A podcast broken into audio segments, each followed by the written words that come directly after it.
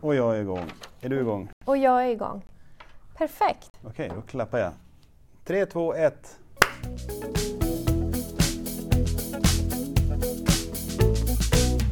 Hej och välkommen till Skolprat. Det här är en podd om skola, undervisning och lärande. Vi som pratar heter Karin Rådberg. och Petter Enlund och vi arbetar som projekt och utvecklingsledare. Ja, och idag så träffar vi Fredrik Zimmerman som är universitetslektor vid Högskolan i Borås vid sektionen för lärarutbildningen. Välkommen Fredrik! Ja, tack så hemskt mycket. Tack. Jättekul att vi får tag på dig. Vi är ju lite digitala idag så du finns med på distans från din arbetsplats, tror jag. Ja, ja, jag sitter på mitt kontor hemma, men nästan. Ja. Ser många böcker där i bakgrunden i alla fall. Ja, det, här, det är spännande att testa att podda på det här sättet. Det har vi inte gjort så många gånger. Men det blir en erfarenhet för oss och för dig. Nu är vi igång i alla fall. Nu är vi igång! Ja. Du har ju skrivit en avhandling med namnet Det tillåtande och det begränsande. En studie om pojkars syn på studier och ungdomars normer kring maskulinitet. Och där har ju du tittat närmare på pojkars syn på studier och vilka normer kring maskulinitet som reproduceras i två klasser i en årskurs 9 på en skola där det råder en pluggkultur. Det är väldigt många olika saker här som vi måste prata om. Men innan vi går in på det, kan du inte berätta lite om dig själv och din bakgrund och ditt huvudsakliga forskningsintresse? Ja, eh, min bakgrund är väl egentligen att jag är i grunden är sociolog. Det vill säga in, intresse för sociala rel, relationer och vad som händer när människor um, umgås i ol, olika sam, sammanhang. Eh, men under hela min sociologitid så, att säga, så har jag ständigt haft eh, ett, ett intresse och fokus på barn och ung, ungdomskultur. Och då dragit mig mer och mer mot, mot sko, skolan och eh, ök, ökat mitt intresse till, till skolan. Och, så att nu är det väldigt mycket sociala relationer, vilka normer det, det skapar och framförallt då könsnormer i skolan. Med, med fokus på res, hur de på, påverkar resultat i skolan och hur pojkar och flickor trivs i skolan. Hur liksom gick det till när du, när du kom in på den här på, på könsnormer och på, på den, den inriktningen som du, som du sen kom att doktorera i? Alltså, hur, hur väcktes ditt intresse för just det?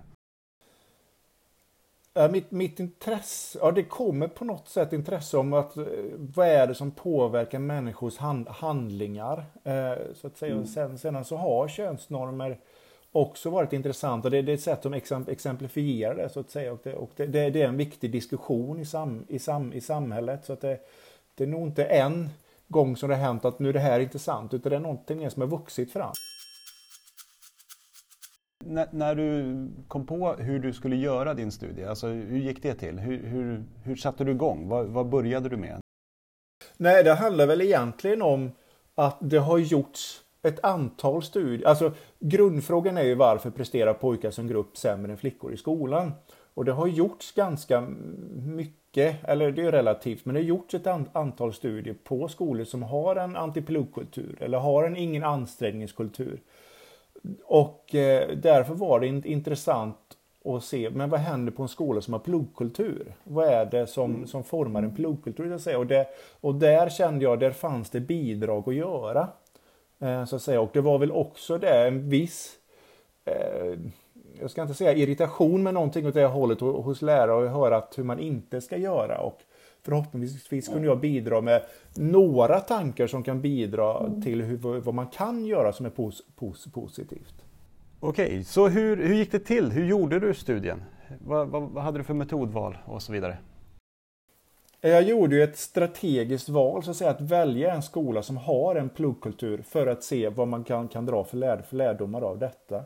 Och jag följde två stycken klasser under, under fler, fler, flera månader. Klasserna var ungefär hälften killar, hälften tjejer i båda, båda klasserna. Hälften av eleverna kom från arbetarklasshem, ungefär hälften kom från medie, medelklasshem eller tjänste, tjänste, tjänst, tjänstemannahem ungefär en fjärdedel av eleverna hade en historia av, in, av invandring i, i för familjen. Och jag följde de här. Jag var, jag var med på lektioner, jag var med på raster och så och så vidare. Så jag följde och var med i disk, diskussioner med lärarna. Så att ibland satt jag långt ifrån och såg hur det var. Hur det var. Ibland, ofta satt jag med olika, olika grupper och prat, pratade med eleverna.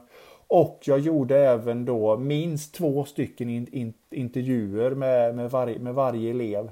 Eh, så och så vidare. Jag hade ju också fördelen att vara där under flera månader så att jag Så jag kunde gå och läsa igenom mitt material och sen gå tillbaka och fråga ungdomarna. Här har jag gjort tolkningar och resonerat. Hur, hur, stämmer, hur väl stämmer det här med hur ni, hur ni res, res, res, res, res, resonerar och så. så det är vad som skapas då i de sociala relationerna där och eh, de normerna som uppkommer som jag, som jag sökt, sökt efter och då försökt finna vad som skapas där.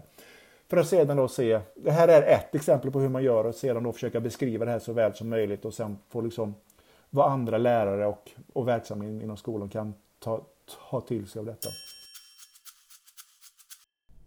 Du pratar ju nu om skolkulturer, pluggkultur, antipluggkultur. Skulle du kunna beskriva de här olika skolkulturerna lite närmare så våra lyssnare hänger med? Ja, alltså om, om man hårdrar det så säga, ska man säga en, en, en, antipluggkultur det finns ett visst klassperspektiv på detta. Det hittar man kanske oftast inom en arbetarklass men inte en, enbart. Ehm, men antipilotkultur är egentligen att pojkar som studerar ambitiöst blir retade och så. För att bli socialt accepterad på, på den här skolan så, tar, så ska man ta avstånd eh, från, från studier. Och detta görs bland annat, har man märkt framförallt genom att pojkar gör en disidentifikation. Det vill säga disidentifikation är att pojkar visar inte sin identitet genom vad de gör utan vad de tar avstånd ifrån. Ehm, det vill säga att eh, de visar sin identitet genom att reta liksom, pojkar då som, som studerar så. och Visa att, men titta, jag, jag är inte någon som, som pluggar. Jag, jag är inte sån mes som, som de då, så att säga. Så en del att kanske försöka motverka den här disidentifikationen är, är väl att försöka få pojkar att fokusera mer på, på, på sig själva och inte bry sig så mycket om andra. Om man inte gör det för att hjälpa, hjälpa andra så att säga. Så en, en antipilotkultur handlar mer om då att man ska ta avstånd från studier och man, det blir en social kostnad. Och en social kostnad menar att man blir, man blir retad, tappar sta, status och så om man vill se ambitiös i skolan. Och jag kan bara lägga till att det finns ett antal intervjuer och diskussioner med pojkar som visar att man kanske inte vill få underkänt i skolan, men man vill inte visa sig så bra heller. Så de lägger tar till strategier för att lägga sig liksom någonstans, kanske precis över godkänt och så. Eller över un, un, un, underkända betyg eh, som F och så. Eh, och då på, påverkar det deras prestationer. Och detta är ju även någonting då som stör flickorna i, i skolan så att säga. För att det blir, skapas en säm, sämre skolkultur. Eh, en ingen ansträngningskultur hittar man väl oftare, om man hårdrar det nu som jag säger då, eh, inom en medelklass med barn, från, eller elever då från medelklasshem. Eh, Eh, och i de här skolorna så får man väldigt gärna ha goda betyg. Eller pojkarna får gärna ha goda betyg, bara de inte visar att de anstränger sig. Ehm, så man ska få bra betyg, men man in, när man är på, in, i skolan och sådana saker ska man visa att man tar liksom ett avstånd från skolan och inte behöver plugga. Så då är liksom, det är viktigt att, liksom att man bara, så är det någon kille som får bra betyg och så kan man, men herregud har du pluggat jättelänge till det här provet? Nej, nej, jag, jag har bara pluggat någon dag och, och så vidare och jag har ju inte pluggat. Mm. Och det märker man då, det finns ständig diskussion bland många pojkar att visa hur man tar avstånd från skolan men ändå försöker då få bra betyg. Och det, då måste man ha, kunna ha hjälp hemifrån. Så att det finns många pojkar ändå då som, att, att, som inte klarar av att ha liksom bra betyg och samtidigt ta avstånd från skolan så är det också någonting då som, som begränsar eh, pojkarnas kultur. Så att det viktiga här, eller pojkarnas, pojkarnas prestationer i skolan. Och en, en, en, annan intressant grej det är att man har inte märkt det på alla skolor med ingen ansträngningskultur, men det finns intervjuer med flickorna på sådana här skolor att de här flickorna ser sig själv som sämre och mindre intelligenta. Och då kan eh, forskaren fråga, men du har ju höga betyg i allt och förra provet hade du nästan alla rätt på. Ja, men det är bara för jag pluggar så mycket, säger man då. Så då visar ju det som hur individen påverkar den sociala miljö som den är in, inom. Um, det vill säga att flickorna påverkas också av den här diskussionen att behöver du plugga, men då är, då är du inte smart och då är det någonting som, som eh, som bara följer vad läraren säger, att du inte är själv, själv, självständig och så. Så du menar att flickorna tar över den, den följer med i den kulturen och liksom anammar också det synsättet?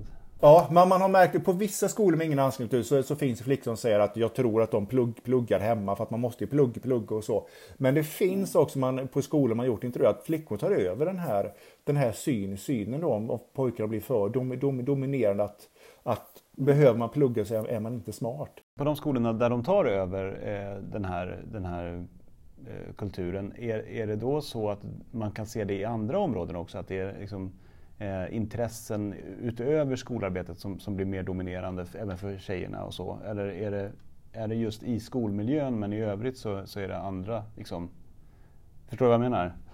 Nej, inte riktigt. Nej, men, nej alltså om, om, om flickorna gör andra intressen, det, märker, det gör man ju inte, utan de, de anstränger sig lika mycket, men den här ansträngningen och att de lyckas leder inte till att de upplever sig bättre. Eh, så att säga. Mm. Och, det här, och jämför man då med en, om, som en pluggkultur som jag var i så att säga. Där finns det inget sånt snack hos, hos, eh, hos flick, flickorna. För där är det så in, inarbetat att du måste jobba för att, för att bli bra. Så då, då tycker ju flickorna att, att de är duktiga och smarta och så eh, om de får bra betyg. Alltså, där finns så inarbetat att du ska anstränga dig för, för att bli, bli duktig. Så att säga. Så att här är ju en skillnad mellan pluggkultur och ingen ansträngningskultur bland pojkarna. Bland pojkarna på ingen ansträngningskultur så är det att man är bra. Eh, på, på en, inom en pluggkultur så anser jag att man blir bra och det har fler eh, och det här påverkar mer än vad, vad, vad, man tror, den här synen att, att man blir bra. Mm. Jag tycker de här, det är jätteintressant och så tänker jag utifrån ett idrottsperspektiv att om de här killarna som, som resonerar att man är bra, resonerar de så på sin fritid också? Nej, det gör de inte. Nej, eh, utan det här generellt sett då så säger jag givetvis att det här gäller, när det gäller tradition, om säger så här, traditionellt maskulina hand, hand, handlingar, då får pojkarna gärna visa att, att, de, att de anstränger sig. Men det är när man går över till traditionellt feminina handlingar, som exempelvis det har varit de senaste åren att, eh, plugg, att, att studera ambitiösa sätt som en feminin handling. Då får, mm. då får man gärna vara duktig, men man får inte genomföra hand, handlingen själv. Det, det, här, det här kan göras med lik, liknelse med med, ut, med utseende. Det har blivit mer och mer så att pojkar ska ha ett visst utseende, de ska ha en viss frisyr och, och sköta sitt ut, som ser ut bra, eh, vad man säger ser bra ut då. Men de får inte visa att, att de ans, anstränger sig för att se, för att se bra ut. Så. Just det, det skriver ju du om också i eh, att tjejen också vill att killarna ska vara snygga och ha snygga kläder men att de inte ska vara för fixade. Nej, de får inte anstränga sig fåfänga och det här, det här man mm. även då märkt på, and, på andra skolor så att säga. Så att det verkar vara någonting med att, okej okay, det finns en förskjutning med att pojkar får bli duktiga på traditionellt feminina eh, om, områden som studier och ciberat och så. Men de får inte visa att de an, anstränger sig för att vara, vara det. Så, att det. så man kan på något sätt skylla på, någon, på någonting att nej men jag är inte feminin, jag gör, jag gör, jag gör liksom, liksom inte detta för jag bara är bra på detta. Så att det verkar finnas någonting där. Och det, så det, ehm, och, och det här då att det inte är så inom en pluggkultur, i alla fall gällande studierna, visar ju då att de här könsnormerna är föränd, föränd, föränderliga. Så att säga. Ehm, mm. Och i och med att alla pojkar och flickor studerar ambitiöst där, då ses inte handlingen att studera som, som fem, feminin. Så att säga. Men handlingen att eh, göra sig fin och snygg och så, den ses fort, fortfarande som fem femling bland pojkarna på, plugg, på plugg, plugg, pluggkulturen. Eh, så de vill gärna inte vis, visa att de fixar håret och sådana saker, så det gör de när ingen, när ingen ser. Okej, okay, så det hänger inte ihop med pluggkulturen då? Nej, man skiljer på... Nej. Men du beskriver ju eh, en på ett väldigt intressant sätt. Den här, en, en, liten grupp elever som inte deltar fullt ut, som sitter på, eh, jag tror att du beskriver det som att de sitter på våning, våningen nedanför eller något sånt där. Um, och du pratar om deras resonemang kring att plugga och jag tycker din beskrivning av det där är, är, så himla intressant. Kan du inte berätta lite mer om det där mötet med de där eleverna och vad, vad det ledde till i din forskning. Vad som är intressant, alltså vad som underlättade nästan diskussionen var att på den här, den här skolan är, har tre stycken våningar. När man har exempelvis mera fria arbeten som när jag var där så var det mer fria om vatten, liksom hur det renas och så och så vidare. Då ska man vara, ursäkta, då ska man vara på våning två och tre. Eh, så jag var ju på våning, våning, våning två och tre under den större, större delen, i början i alla fall, de första veckorna. Och sen så kom jag på, men jag har ju inte varit på våning ett där eleverna inte får vara. Så jag gick ner dit och kikade och det satt ju de här eleverna då som man kan säga som är de som är minst, mot, eller i alla fall visar minst mot motivation i skolan. Eh, jag sitter liksom och när jag kom och pratade med dem så jag följde dem också ett, ett tag och pratade. Och det visar sig varför vill de inte gå upp till våning två och tre? Det, det handlar ju liksom inte då om att de eh, om att de ville vara häftiga och coola och sådär. Utan de, de känner att de lever inte upp till de normerna som är på våning mm. två och tre och därför vill de inte eh, gå, dit, gå dit och, eh, och studera. Um, um, men det som är, som är intressant är att de beskrev ju faktiskt sig själva med ord som att ja, de ser oss som efterblivna eller man känner sig värdelös och så och så vidare. Eh, bara en sak så att de säger som de är efterblivna och de känns inte som man kan ingenting för de kan inte, för vi kan inte plugga. Säger de då. Mm. Så det visar sig, så det har även satt sig hos dem att man blir duktig genom att plugga. Så de säger inte att mm. vi, vi inte vi känner oss inte så, så, vi känner oss inte smarta för att vi inte kan det utan vi kan för att vi inte kan plugga. Så det är verkligen visar någonting som har satt sig där så att säga. Eh, vad som är en intressant skillnad är att i, i den här i den här gruppen så ingår det både flickor och pojkar. Flickorna lyckas de ju så att säga hjälpa. Eh, och det här är ett generellt mönster man har märkt tidigare att mm. flickor som hamnar dåligt och mår dåligt, de vänder det här ofta inåt. Eh, så att säga, så de mår ont idag, mår dåligt och mår ont i magen och sitter ner. Men kommer en lärare sig och sätter sig jämte de här och börjar prata med dem och Nej men du kan väl försöka jobba lite mer här och så. Så tar de, då har de lättare att ta emot den här hjälpen när, när, de, när lärare kom ner och satte sig jämte killarna, eller den här killen då, men även andra killar här, eh, som hade lite svårt att hjälpa, då, då blev de mycket mer utåtagerande. Eh, och så reagerade mycket mer ag aggressivt så att säga. Så att pojkar är på det här sättet mycket svårare att hjälpa. Och de kan också bli att de är mycket mer utåtagerande på lektioner och sådana saker så de stör, stör mycket mer. Och detta menar man, går man långt, det här menar de som forskar om yngre barn så att säga, här lär sig barnen olika sociala mönster på att agera. Så, så här finns ju ett krav på, eller måste man diskutera normen, norm och maskulinitet, att måste bli mycket mer socialt accepterad för pojkar att fråga om hjälp utan att se sig svaga och så och så vidare. För det märker man redan i yng, yngre ålder att de här, så att de, att de har svårt att be om hjälp och så för då, då visar de sig inte tuffa och tåliga. Så därför, därför blir de här pojkarna gärna då att de visar sig, så att säga, antingen tar de till missbruk eller känslomässig förnekelse och sådana saker. att Men de ber, ber inte hjälp. Så att pojkar måste bli bättre på att kunna fråga om hjälp och ta, ta emot hjälp. Och då, då krävs det en större dis diskussion så att säga, om, om, om de här norm, normerna. Men du skriver ju om eh, att flickor från tidig ålder tränas i att visa omsorg och självdisciplin. Att det finns någon slags förväntan att flickor kan lista ut vad en lärare önskar av en. Och också att vi talar med flickor på ett mer utvecklat språk. Det har jag tänkt jättemycket mm. på sedan jag läste det här. Och resonerar och förklarar mer för, för, för flickor, alltså generellt? Än för pojkar. Ja. Och att det, det, här också ligger till grund för de här eh, eh, normerna då och varför pojkar och flickor presterar olika i skolan. Hur, hur tänker du kring det? Ja, det, det, här var ju någonting viktigt så, så att säga att för att få pojkar att, att börja närma sig att prestera lika bra som flickor så behövs det en kritisk diskussion kring antipilotkultur och, ing, och ingen ansträngningskultur. Det är viktigt. Mm. Men det räcker inte. För exempelvis pojkar inom en pluggkultur som faktiskt många egentligen skolor har och många pojkar är, så presterar inte pojkarna lika, lika bra som, som, som, som flickorna. Och så då, då, är det ju inte bara det, det finns ju någonting annat. Och en del där som man har märkt det är som att det är att flickor utvecklar fler förmågor som gynnar prestationer i, i skolan. Och en del, om vi börjar med det, språket är ju en jätteviktig eh, mm. förmåga i skolan. Och, och vuxna gör fler om vi börjar med språket och tar självdisciplinen sen. Men, men språket, språk, att fler, generellt gör vuxna hand, handlingar så att säga, som att gå till biblioteket eller man leker lekar Eh, med flickor och gör ramsor och så som, som har märkt ut, utveck, utveckla språket och, och, de, eh, och läser böcker mycket mer. Men framförallt så pratar vuxna väldigt, väldigt mycket mer med utvecklat språk eh, med, med, med flickor. Och någonting som också kommit var en intressant forskningsstudie som, som kom härom veckan bara som visade det att eller den fick som resultat att det är inte bara att man sitter och liksom läser med barnen och så utan det är själva att själva att man pratar med dem och samtalet går fram och tillbaka. Så när barnet säger någonting och vuxna säger någonting och sen svarar barnet, sen svarar den vuxna. Det är det som är det viktiga som, ut, som utvecklar språket. Så även om man kanske pratar mer med, vux, med pojkar på så sätt, men då är det ofta kommandon. Men så ska du inte göra eller gör så här. Så då blir inte det växelverk och den är väldigt, väldigt viktig. Och detta märker man detta märkte jag väldigt, och det här blir också det att vuxna pratar mer med flickor, blir då att flickor förstår också vuxna mer hur de vill ha det och så.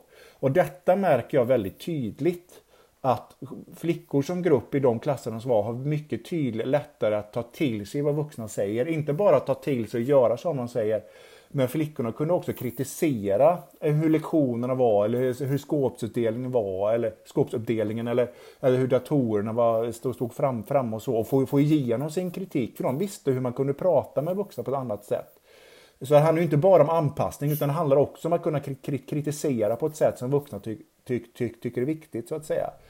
Att göra sin röst hörd, liksom, det är ju också ett demokratiskt jätteviktigt mm. värde i det. Okay, skillnaden är inte så jättestor, men Barndomsmannens senaste undersökningar visar att flickor på högstadiet anser att de har mer inflytande än vad poj pojkar har. Skillnaden är inte så stor, men det är ändå intressant att mm. här är i alla fall ett område flickor anser att de, att, att de har mer, mer inflytande.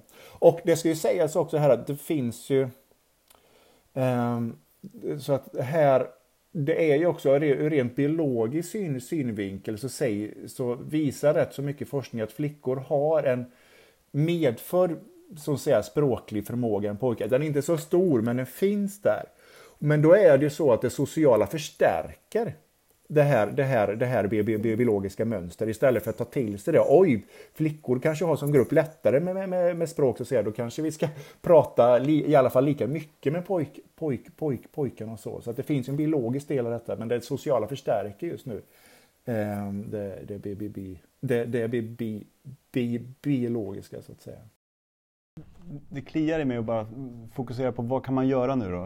Eh, när man kommer till skolpersonal och liksom lärare? Och... Ja, det, det, det finns alltså någonting som, som jag det, det, det, är några saker. På den här skolan, på plogkulturen, så är det några saker som jag anser att lärarna gör som verkligen bidrar till att, att pojkarna lyckas bättre. Så att säga. Och vill lägga, lägga till här också då att i intervjuer med flickorna så säger flickorna att de, de, som har gått på andra skolor innan den här skolan säger att de trivs väldigt mycket bättre på en skola med en pluggkultur bland pojkarna.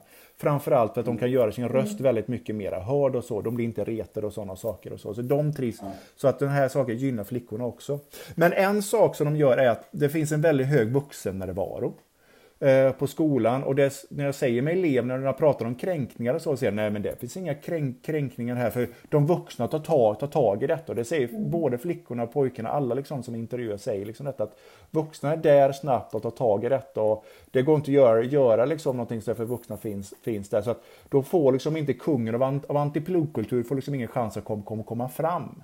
Och då, finns, och då finns det liksom, och då möjliggörs detta för andra, pojk, för, för andra pojkar och deras normer att bli, att bli liksom, eh, dom, mer dom, dom, dom, dominerande.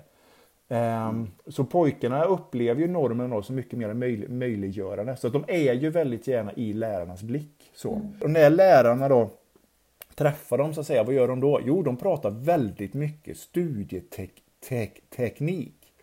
Um, så pojkarna behöver ju kanske mer hjälp, för det, det märker man alltså att de flesta här, de försöker få pojkarna att ta mer ansvar för sin, sina studier.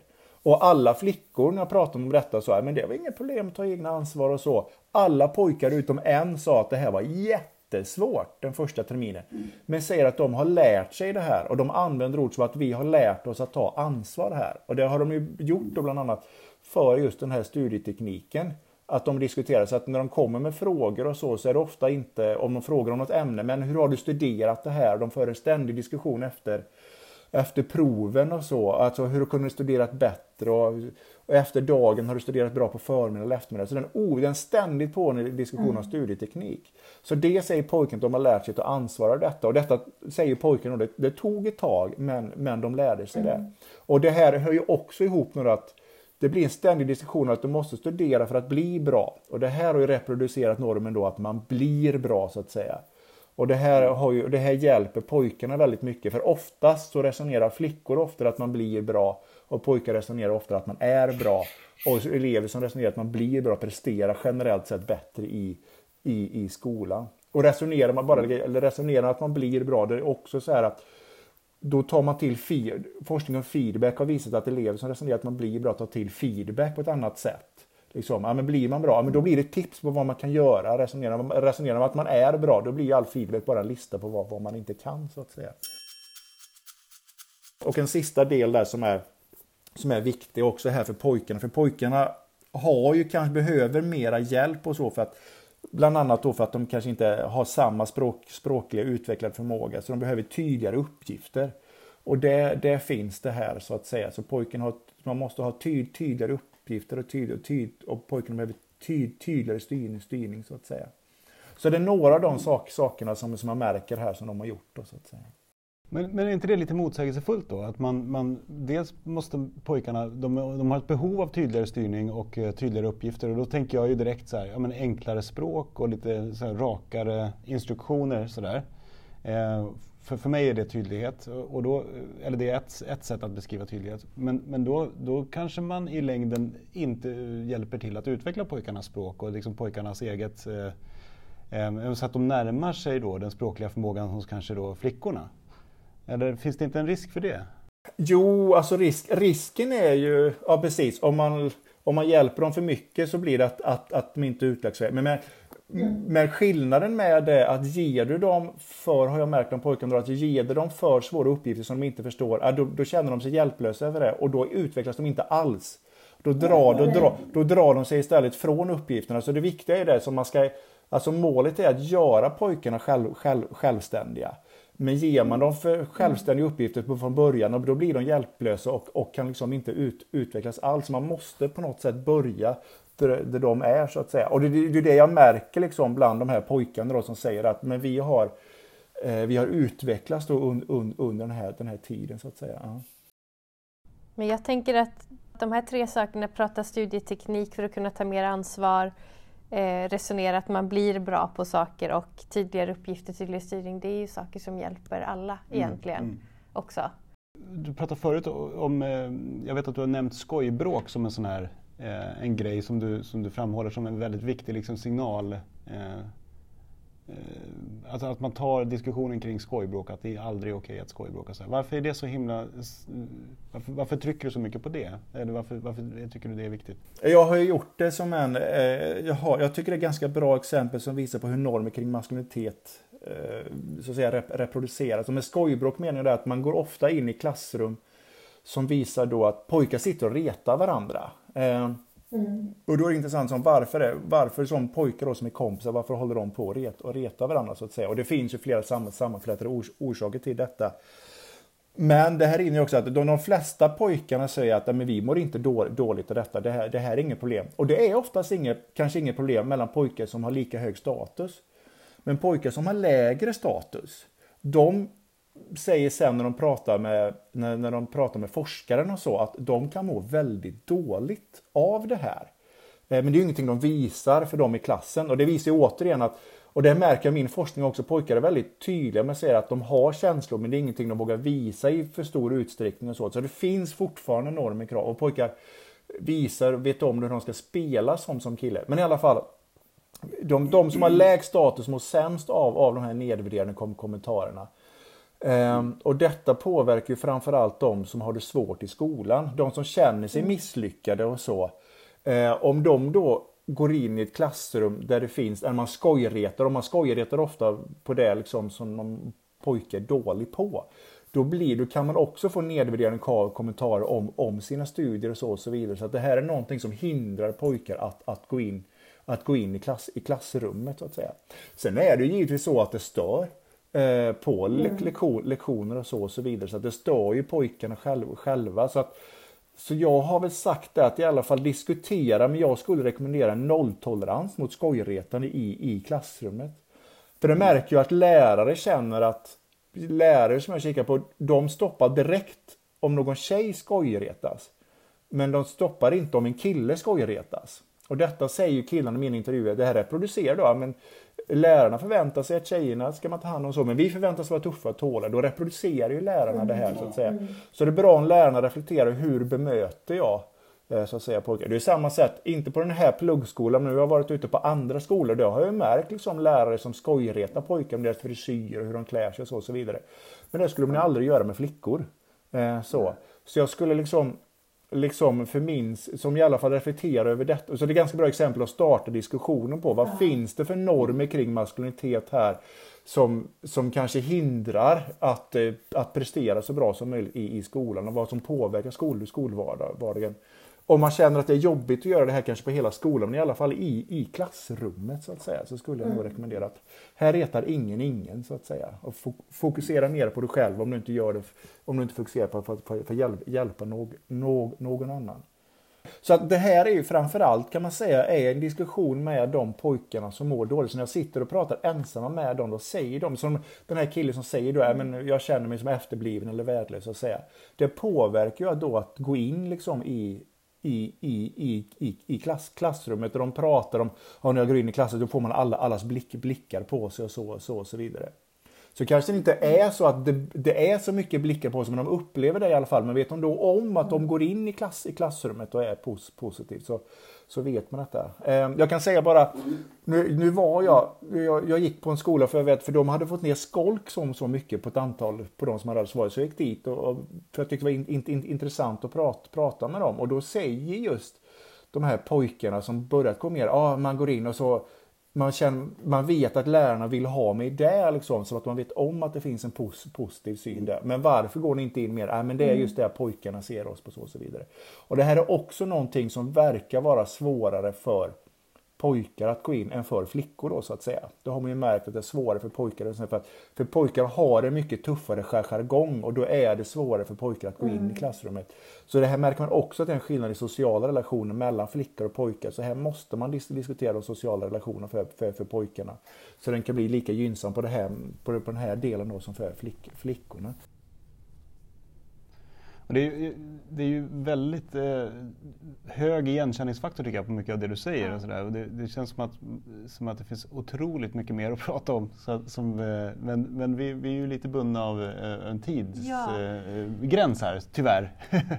Men jag är lite nyfiken på innan vi avrundar också två saker. Dels vad, vad, vad gör du nu? Vad, vad, blir nästa sak du kommer titta på? Ja, just nu, så det, det, stora projektet jag har just nu är att göra om av, avhandlingen till en bok. Eh, riktad just mot, eh, mot verk, verksamma lärare. För att en avhandling måste läggas upp på ett visst sätt så den är inte så, blir inte läsvärd på det sättet. Så att säga. Men förhoppningsvis, men, men det jag jobbar med nu det är att sam, sammanfatta, försöka sam, sammanfatta det här så kärnfullt som möjligt eh, för, till, som en text som är mer riktad till, verk, till verksamma lärare. Så att egentligen så gör jag inte så mycket nytt utan jag gör samma sak ett varv till så att säga.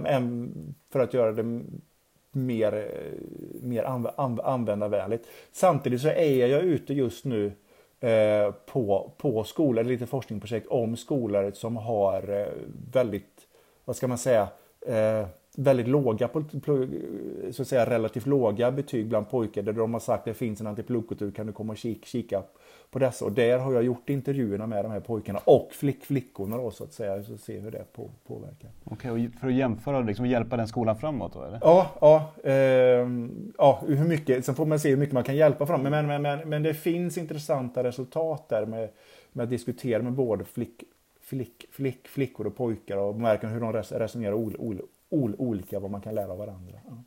Superintressant. Då får vi läsa din bok sen när den kommer. Men nu, avslutningsvis så skulle vi, vi gillar att avsluta med lite råd och tips här som man kan eh, göra redan imorgon för att förändra sin undervisning eller sitt klassrumsklimat eller vad det nu är. Så har du några råd till lärare, rektorer eller övrig skolpersonal kring hur de kan bli bättre på att främja alla, allas eh, utveckling i skolan? Nej men det är väl några saker att ta en diskussion utifrån. Skojretande tycker jag att det är ett, ett bra exempel att, ut, att, utgå, att utgå ifrån. Ehm, och jag känner också det när jag är ute och pratar med lärare att lärare har, de vill verkligen hjälpa sina elever. De känner det väldigt meningsfullt och viktigt att göra det.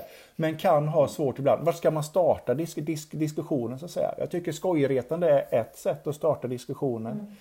Ehm, ett annat sätt är väl att föra, föra en diskussion hur, hur tydliga är vi? Eh, liksom med, med uppgifterna eh, så att säga.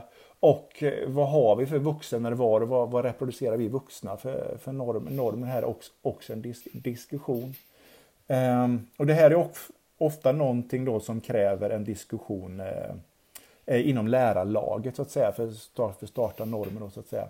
Sen så måste jag ju också få lägga till där att det här är ju inte någonting, lärare kan göra mycket men det här, de här normerna kring maskulinitet och så, det är någonting som skapas i samhället. Så att den här den här diskussionen behöver vara, vara större. Så jag vill verkligen på, på, på punktera detta. Allting kan inte läggas på lärarna. hoppas ni förstår. Det här är mycket större. Det här är normer som bildas ut, utanför som sipprar in i, i skolan. Så det behövs en större diskussion om, om, om förändringar i samhället ifall pojkar ska börja prestera lik, lika bra som flick, flickor i skolan. Eller i alla fall närma, närma sig detta. Och detta skulle också bidra till att både flickor och pojkar eh, trivs, trivs, trivs bättre i sin skolvardag. Jätte, jättebra eh, och konkreta eh, tips tycker jag ja, för att skapa en skolkultur som främjar, främjar studier och potentiellt kan skapa en, en, en mer välutbildad ungdom. Precis, som, som, som mår bättre också. Ja, eller hur? Som mår bra. Ja. Som mår bra. Det är grunden. Ja. Tusen tack Fredrik, det här har varit jätte, jätteintressant. Ja, tack själv för ett väldigt intressant sam samtal. Ja. Jätteintressant samtal och jätteviktigt också. Mm, eh, det här... Jag har läst din avhandling och det har du också gjort Petter, mm. men om man inte orkar göra det då så kan man ju vänta tills din bok kommer här, när det nu blir. Mm. får vi vänta med spänning på. Men tusen tack för ett jättebra samtal. Tack! Ha det så bra. Mm, ja, tack så mycket. Skolprat är en podd om skola, undervisning och lärande med oss Karin Rådberg och Petter Enlund, projekt och utvecklingsledare på Kunskapsskolan. Tack för att ni lyssnat.